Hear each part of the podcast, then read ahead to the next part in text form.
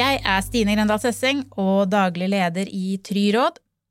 I dag skal jeg snakke om krisekommunikasjon. Min erfaring innen dette området er annet fra mine ti år i Forsvaret, eh, hvor jeg var en del av kommunikasjonsteamet som var involvert i ganske ulike krisesaker. Det har vært saker om seksuell trakassering, internasjonale gisseldrama og tap av soldater under øvelse. Og i Try så ser jeg jo at mange av de erfaringene er ganske overførbare til kriser og større hendelser hos våre kunder. For selv om en krise kan utspille seg ganske ulikt, så er det også en del ting som er gjenkjennbart.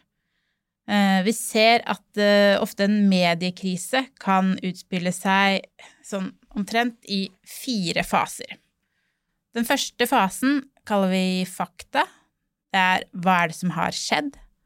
Hvem er involvert, og når skjedde det? Media og offentligheten søker da fakta om hendelsen. Dette er ofte en ganske sånn hektisk, men, men enklere fase. Og så har du den neste fasen, hvor, som vi kaller drama. Det er jo der de uavhengige ekspertene dukker opp. Det er aviskommentatorer, professorer og andre fagfolk. Og, og spekulasjonene og analysene dominerer denne fasen. Det er også ofte mer synsing fra ekspertene, som er lite faktabasert, men de får likevel ganske mye oppmerksomhet. Og denne, denne, fasen er jo langt mer krevende å håndtere fordi det er mye meninger, samtidig som man ikke kan si så mye selv eller har ofte mindre kontroll på sluttresultatet.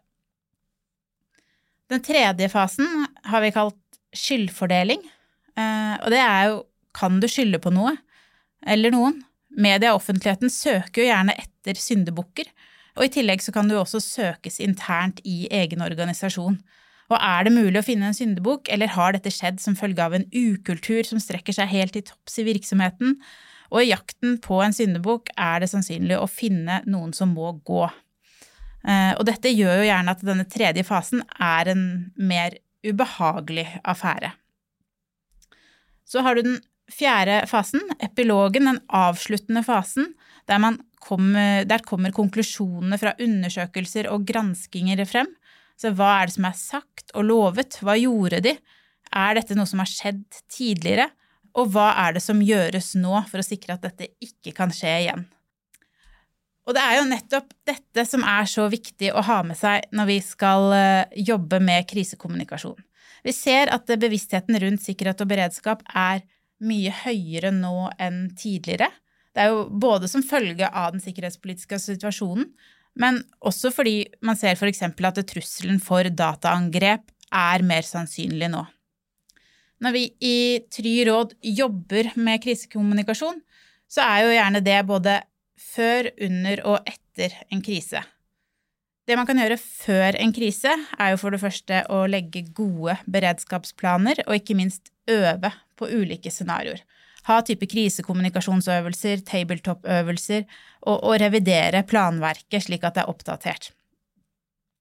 Videre så er jo også en god rådgivning dersom du ser en potensiell krise komme, så vil jo det også kunne bidra til å avverge at krisen får et mediefokus. Kanskje klarer en god håndtering å sikre at den ikke får eh, bred oppmerksomhet i mediene.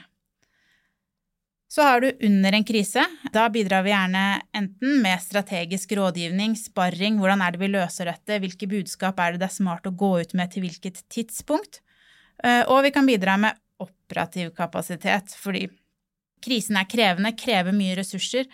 Pressetelefonen må håndteres, pårørendetelefon, og da har vi eh, det å være det ekstra benet, den ekstra rådgiveren inn i organisasjonen til, til å bidra. Den siste er eh, etter krisene, så må det evalueres. og det er viktig at man tar med seg den erfaringen og sikrer at det blir også en del av den institusjonelle hukommelsen. Det skal ikke bare være de som satt i krisen som har lært, men også fremtidige ansatte og større deler av organisasjonen. Hvis du vil lære mer om dette temaet, kan du enten gå inn på try.no eller ta kontakt med fagpersonen du nettopp hørte. Kontaktinformasjon finner du i episodebeskrivelsen.